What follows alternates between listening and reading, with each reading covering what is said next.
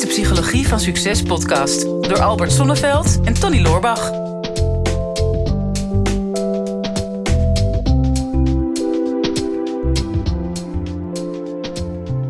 Ja, van harte welkom weer bij de podcast De Psychologie van Succes. Yes, we mogen weer, Tony. We mogen weer. Tegenover mij staat weer eh, de one and only, Albert Sonneveld.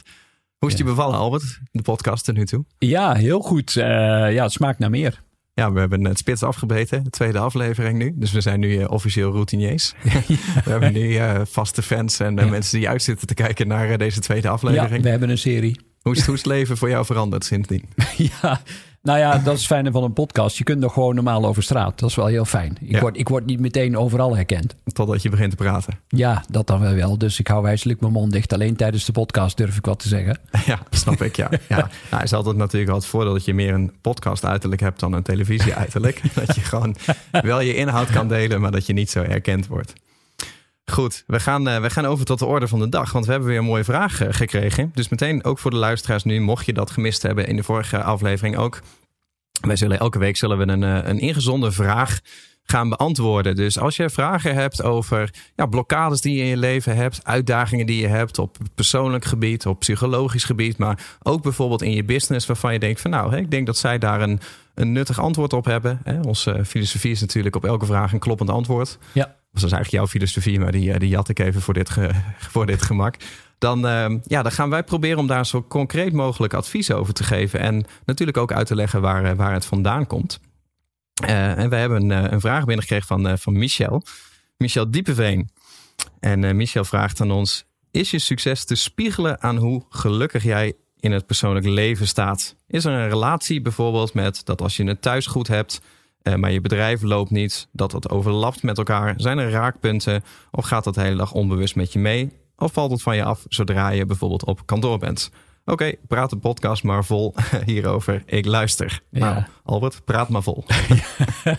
nou ja, dat is geweldig. Dus we gaan het, hebben over geluk. We gaan het hebben over geluk en, uh, en de relatie met succes. Nou, hmm. Sowieso is er um, ja, veel verwarring over wanneer ben je nu eigenlijk succesvol. Daar hebben we allemaal uh, van tevoren bepaalde beelden over gecreëerd. Mm -hmm. De een die denkt van ja, als ik maar een x bedrag op de bankrekening heb staan, dan ben ik succesvol. Uh, de ander zal zeggen ja, als ik een record heb gemaakt, dan weet je, dan mm -hmm. ben ik succesvol.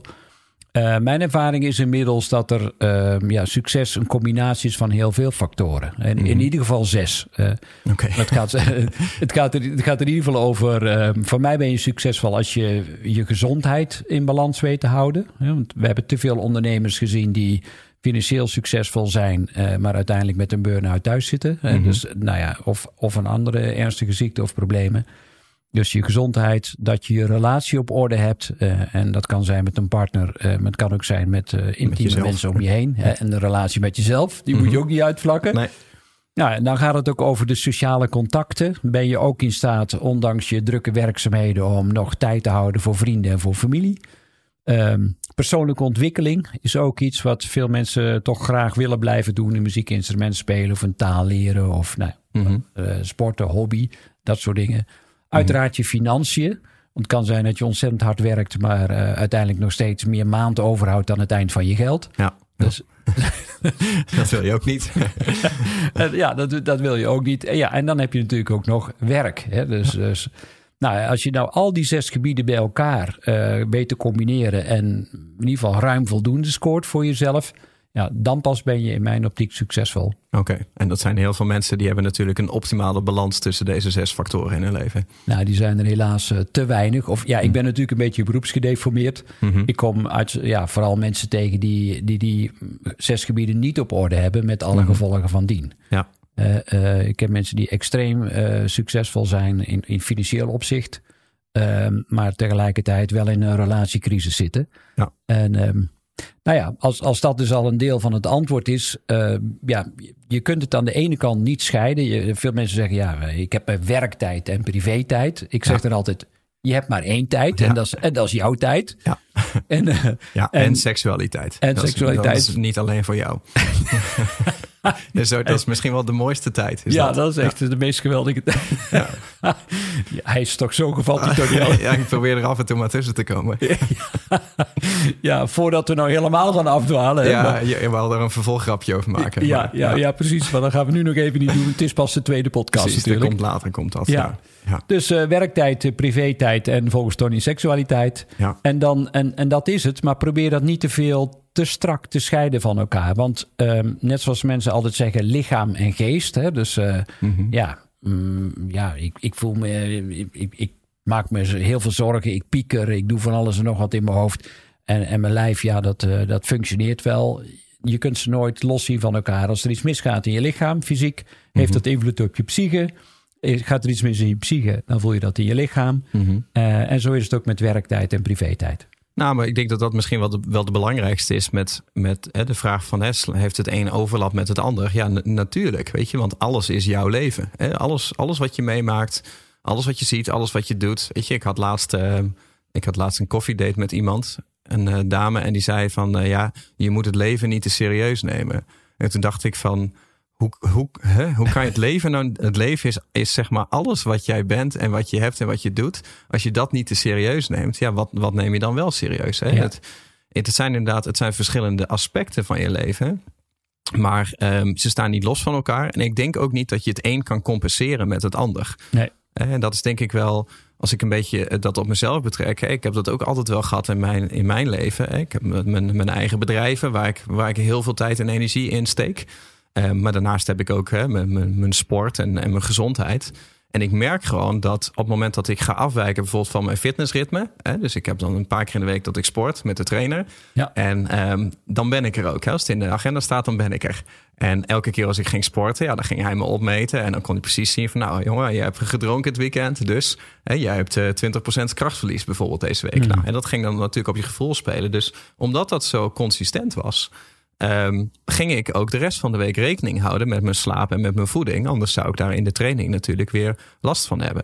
En maar omdat mijn training en mijn voeding en mijn slaap op orde kwam, uh, raakte ik ook gewoon veel bewuster van mijn tijd. En ging ik gewoon ja, weer anders in mijn business staan. Ja, ik kwam, Alles er kwam, hangt met elkaar kwam samen. Even een, er kwam even een grapje in me op. Ik dacht, ben je inmiddels net zo sterk als dat je ruikt? Maar dat... ja, nee, maar we staan best wel ver van elkaar af, gelukkig. Ja. Ja. Nee, dat, dat nog niet. Dat is nog de ambitie. Ja. Maar het hing heel erg met elkaar samen. En ik heb heel vaak gemerkt, en dat is misschien voor ondernemers wel herkenbaar. En wat een hele frustrerende vraag voor een ondernemer is, die ik ook vaak heb gekregen, is van ja, maar uh, heb jij dan geen privé-tijd? Hè? Of heb jij dan geen scheiding tussen werk en privé? Want als jij in loondienst bent en er gaat om vijf uur, gooi je de deur achter je dicht. Ja, dan begint zeg maar een soort van jouw privéleven. En Ja. dan ga je leuke dingen doen, totdat je weer moet werken. Maar een ondernemer is over het algemeen bezig met wat hij gaaf vindt om te doen. Dus die is heel vaak altijd aan het werk. Hè? En die heeft dan geen privéleven. Hè? Alsof dat twee verschillende dingen zouden Ja. zijn. Ik denk dat je ze niet los van elkaar moet zien. Nee, onmogelijk. Hè? Dus eh, sowieso slaap je, als het goed is, 28 jaar van je leven. dus eh, als je dat gaat uitrekenen. Dus ehm, ja, en als je het gaat verdelen in, in een week van 168 uur, hè, dan, dan, dan kun je zeggen dat als je daar 90 uur, ik, ik noem dat altijd persoonlijk onderhoud, dus je daarvan slaapt en eh, ja, af en toe nog eens eh, boodschappen doet en eten kookt en Mhm. eh, nou, gewoon- de noodzakelijke dingen die je nodig hebt om normaal te kunnen functioneren. En je zou daarvan nog 40 uur slapen. Ja, dan, dan hou je nog iets van 36 uur over voor al die andere vlakken van je leven. Mhm. Maar ja, zo zit het nu helemaal niet in elkaar. Op het moment dat je gaat slapen, denk je misschien nog aan je werk. Of als je 's morgens wakker wordt, eh, eh, is dat dan werktijd of privé-tijd? Mhm. Je maakt het voor jezelf, ehm, denk ik, heel ingewikkeld als je daar te veel scheidingen wil aanbrengen. Mhm. Aan de andere kant zeg ik ook, ja, ehm, ja, je kunt tijd niet managen. Dat is ook veel wat mensen dan willen doen. Je kunt alleen jezelf managen. En manage jezelf op de, ja, vul je tijd letterlijk en figuurlijk met de dingen waar je zelf het meest gelukkig van wordt. Mhm. Ja, nou ja, en dan is het nog het verschil tussen tijd en prioriteit. Ja, En eh, ik, wij hadden hier laatst eh, lol op kantoor. Ik was met Martijn, eh, mijn compagnon, in gesprek. En die zei op een gegeven moment... oh, ik wou dat er 48 uur in een dag zat. Hè, want we hebben zoveel te doen. Ik zeg, ja, als jij dat wil, dan moet je dat gewoon lekker doen. Weet je, daar wordt de wereld niet anders van. Ik bedoel, dat de Maya's ooit hebben besloten... dat er 24 uur in een dag zit. Jij mag er 48 uur van maken. Hè, maar je moet dan ook twee keer zo vaak gaan eten... en twee keer zo vaak gaan slapen. Hè, dus het gaat... Het gaat niet om dat je meer tijd moet creëren, Mhm. maar je moet je, je moet je prioriteiten anders gaan, gaan aangeven. Ja, zeker in deze tijd. En, Mhm. en dat is natuurlijk ook wel een beetje richting ja, geluk. Hè? Wanneer, wanneer ben je nu gelukkig? Mhm. Uh, veel mensen voelen zich ongelukkig omdat ze voor hun gevoel veel missen. Hè? Door het enorme aanbod aan prikkels en aan mogelijkheden. En als je nee zegt tegen het een, uh, ja, dan zeg je ja tegen het ander. Maar andersom is dat natuurlijk ook zo. Als je, ja, kun je accepteren dat als je ja zegt tegen één activiteit of tegen één prioriteit, dat je daarmee misschien wel tegen tien andere zaken nee zegt. En dat, Mhm. uh, dat vindt ons brein heel spannend om, uh, om dingen te verliezen. Ja, dus, dus als we teruggaan naar uh, de vraag waar we ooit mee begonnen waren. Hè, dus um, um, het, het verschil van, hè, stel nou dat er in jouw privéleven iets niet lekker gaat. Want ik denk ook dat daar de vraag specifiek meer op bedoeld was. Het is goed om een stukje context gecreëerd te hebben. Maar hè, stel nou dat je gewoon uh, lekker aan het werk bent en business loopt alles goed. En, uh, en je, je, je, je, je inkomen komt binnen en je hebt je met je collega's hartstikke lol. Maar je hebt thuis een crisissituatie. Hè? Hoe, hoe ga je daarmee om? Ja, nou, het, het, betekent in ieder geval dat je dan je, je prioriteit moet gaan verleggen. Als je, Mm. Een crisis is altijd een teken dat iets aandacht vraagt. En 9 van de 10 keer dat je iets um, verwaarloosd hebt, in Mhm. welke vorm dan ook. En een crisis roept je letterlijk en figuurlijk weer bij de les of bij het leven. Mhm. Um, en dat betekent dat je je aandacht moet verschuiven. Um, het, het, kan niet zo zijn dat je blijft doorleven met in één gebied van je leven een crisis en in een ander gebied van je leven is zogenaamd niks aan de hand. Mhm. Want dan leef je in een soort illusie. Ja. Um, en een crisis vraagt om daar aandacht aan te besteden. Ja. Ja, dus het is niet zo dat je denkt van nou, hè, dan gaat het eh, thuis, is het echt helemaal niks. Maar dan uh, als mijn business en mijn gezondheid hartstikke goed is, dan maakt het niet uit, want dan effen het elkaar wel uit. Nee. Zo werkt het dus eigenlijk niet. Nee, nee, nee, nee, want dan kun je je nooit volledig gelukkig voelen. En dat is uiteindelijk wel wat de meeste mensen willen. Ja, ik denk dat, dat geluk, het heeft natuurlijk enerzijds met, uh, met verwachtingspatroon te maken. Hè? Want uh, ik denk als jij, als je terug gaat kijken over hoe wij mensen de afgelopen 2000 jaar hebben geleefd. En dat vind ik ook prachtig als je bijvoorbeeld een boek zoals uh, Sapiens leest. En je ziet waar mensen duizenden jaren geleden eigenlijk hun zorgen over hadden elke dag. Wat voor ons helemaal niet meer bestaat. Nee. Dat we zo ontzettend veel verder zijn. Hè? Onze welvaart is zoveel hoger. Onze gezondheid is zoveel hoger. Alles is zoveel beter. En nog steeds um, zijn we niet per se honderd keer zo gelukkig als dat we vroeger waren. Hè? Dus het heeft, heeft heel erg met omstandigheden of met verwachtingen van die omstandigheden te maken. Ja, en dat, dat is misschien wel het meest schokkende als we toch naar cijfers kijken. Is we leven in Nederland in ieder geval in een van de meest welvarende landen ter wereld. Mm -hmm. En toch zijn er op dit moment 1,1 miljoen mensen die aan de antidepressiva zitten. Dat is Ja. een kwart miljard dagdoseringen antidepressiva. Ja. En dat is natuurlijk een hele wonderlijk gebeuren dat je denkt van hoe kan het nou? We leven in volledige welvaart. Mhm. Er zijn maar weinig landen in de wereld waar zoveel welvaart is dan in Nederland. Ja. En toch zijn we blijkbaar niet in staat om ons geluk te managen. Nee, maar ik denk dat dat te maken heeft met dat je, dat je en veel meer input tot je krijgt ten opzichte van waar ons brein eigenlijk voor bedoeld was. Want ons brein is nog voor eh, 99,9% hetzelfde als onze voorvaderen tienduizenden jaren geleden. En er is heel weinig aan veranderd. En dat hele brein is helemaal niet gebouwd op hoe wij vandaag de dag leven. Nee. Dus je krijgt, je krijgt heel veel input. Maar, je, maar je, wij hebben ook veel meer mogelijkheden dan, dat, dan dat letterlijk onze ouders al hadden. Mhm. En, en onze grootouders. Die zaten natuurlijk veel meer ingekaderd leven. Waar je, waar je minder vrijheid van bewegen had. En dan, dan krijg je minder prikkels. Maar ook minder eh, de, de drive. Dat, je, dat je op alle vlakken eigenlijk omhoog moet. En ik denk als jij naar die zes factoren kijkt. We noemen dat ook eens de, de hygiënefactoren. Ja. Hè, alle aspecten van je leven die eigenlijk met elkaar in balans zouden moeten zijn. En Mhm. balans zou dan eigenlijk geluk zijn. Ja, nou ja, in mijn boek eh, Gelukt eh, zeg ik dat eh, uiteindelijk dat er drie belangrijke factoren zijn. Het eerste is dankbaarheid. Dus dat je vooral ziet wat je wel hebt. Create an attitude of gratitude. Oh ja. Eh, de tweede gaat over acceptatie. En dat heeft ook te maken inderdaad met dat je niet alles kunt. En, en inderdaad met de verwachtingen die je hebt. Mhm. Ja, en dan, dan is er nog een derde pijler en dat gaat over vertrouwen. Eh, vertrouwen dat veel van de dingen die gebeuren in jouw leven, dat die ja, door de natuur worden geregeld. Daar hoef je ook niet te veel eh, invloed op uit te oefenen. Sterker nog, bemoei je er niet te veel mee. Mhm. Dat doet zichzelf. En kijk of je daarin mee kunt bewegen. En dat het dan vaak beter met je gaat dan dat je voortdurend probeert om invloed te, eh, te hebben en dingen naar je hand te willen zetten. Ja.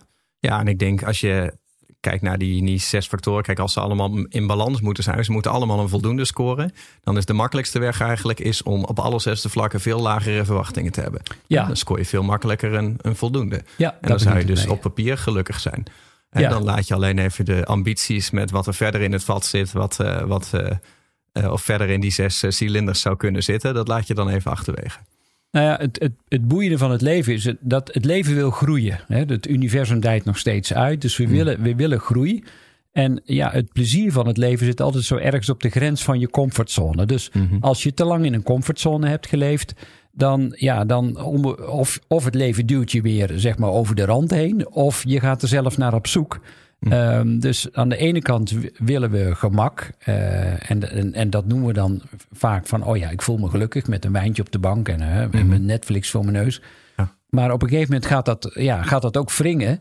En dan, dan ga je toch weer ongemakkelijke situaties opzoeken. En dan ga je de Kilimanjaro beklimmen. En dan Ja. sta je op die top en dan voel je je helemaal gelukkig. Maar ja, ook dat is maar weer een kort moment. En dan ja, Ja. is er weer een volgende dag. Nou ja, dat schijnt een fenomeen onder eh, astronauten te zijn, hè, die de ruimte in geweest zijn. Je, je leeft je hele leven toe naar, de, naar het maximaal haalbare hoogtepunt, is dat jij daadwerkelijk eh, de ruimte ingaat. De Ja. meeste astronauten krijgen die eer natuurlijk helemaal niet. Nee. En dan op een gegeven moment ben je niet alleen heb je je absolute hoogtepunt in het leven bereikt, Hmm. ehm, maar heb je ook nog eens de aarde van, van zo'n afstand gezien dat het eh, een enigszins relativerende werking op je heeft Ja. gehad. Ja. En dan kom je terug en heel veel astronauten belanden daarna in een, eh, in een depressie. Ja. Hè, simpelweg omdat eigenlijk de standaard zo hoog was dat ze daar niet meer aan kunnen voldoen.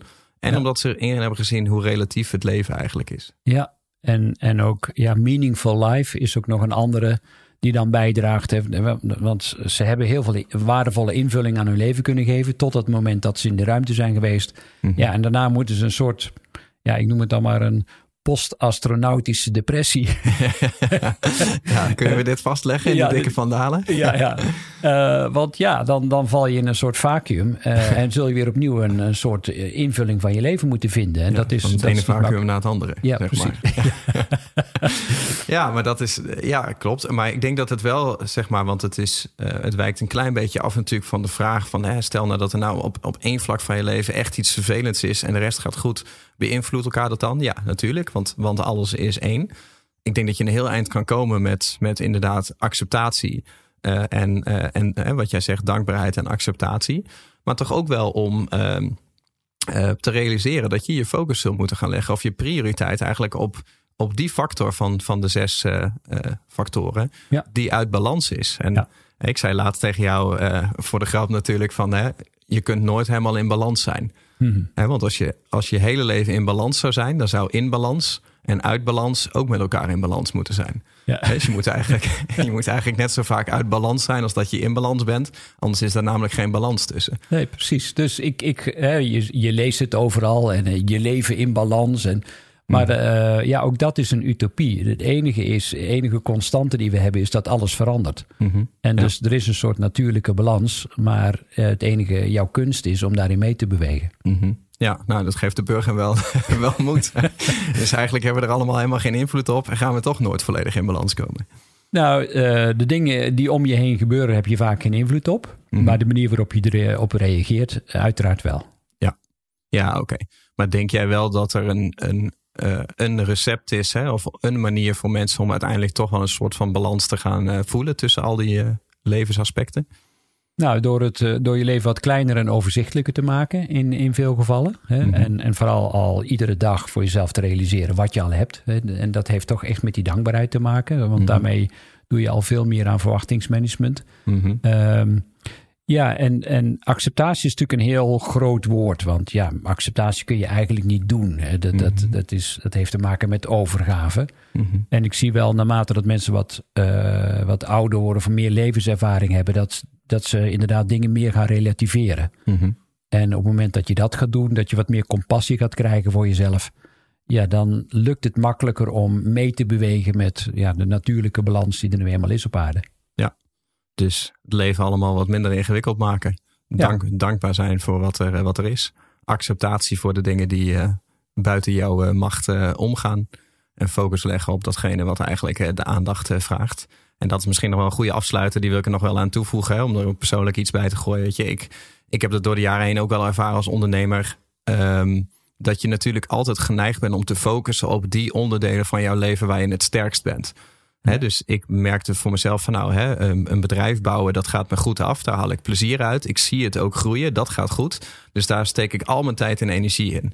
Ehm, en bij mij was bijvoorbeeld voorheen was gezondheid was altijd een ondergeschoven kindje. Ik wist wel dat dat niet zo goed was. Maar ik besloot niet om dan energie van de business weg te halen en in de gezondheid te gaan steken. Mhm. En de relatievlak bijvoorbeeld net zo. Getrouwd met de business betekent dat je niet getrouwd hoeft te zijn met, met iemand anders. Ja. En ik denk dat het heel aantrekkelijk is om op het moment dat je uit balans bent, om te gaan focussen juist op het stuk wat wel goed gaat. Dat je denkt van nou, daar trek ik naartoe. Uh, maar dat gaat uiteindelijk natuurlijk die andere gebieden niet compenseren. Dus dan zul je toch je, je, prioriteiten moeten verleggen. Ja, in plaats van compenseren, je trekt het juist steeds verder uit balans. Ja. En uh, totdat je een crisis krijgt en dan moet je wel. En dan moet je weer in balans. ja. Dankjewel Albert voor jouw uh, wijze woorden. Dankjewel Tony.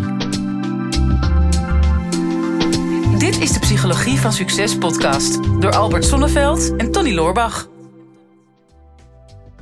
Ja, beste luisteraars, dat was hem alweer voor vandaag. Weer een aflevering voorbij van uh, de psychologie van succes. Ik hoop dat je het waardevol hebt gevonden en um, wat je ons dat ook zou willen laten weten. Uh, mocht je nog niet geabonneerd zijn op onze podcast, doe dat dan even. En wat we heel erg tof zouden vinden, is als je ook even een review zou willen achterlaten. We vinden het natuurlijk heel leuk om te horen van jou wat je van de podcast vond, welke inzichten je eruit hebt gehaald en om dat natuurlijk in de review-sectie terug te gaan lezen. Heb je nou een vraag en je zou graag met jouw vraag in de uitzending willen komen? Stel hem dan op uh, de social media. Onze kanalen zijn vooral LinkedIn en natuurlijk Instagram. De beste vragen pakken we eruit en grote kans dat je dan terugkomt in deze podcast.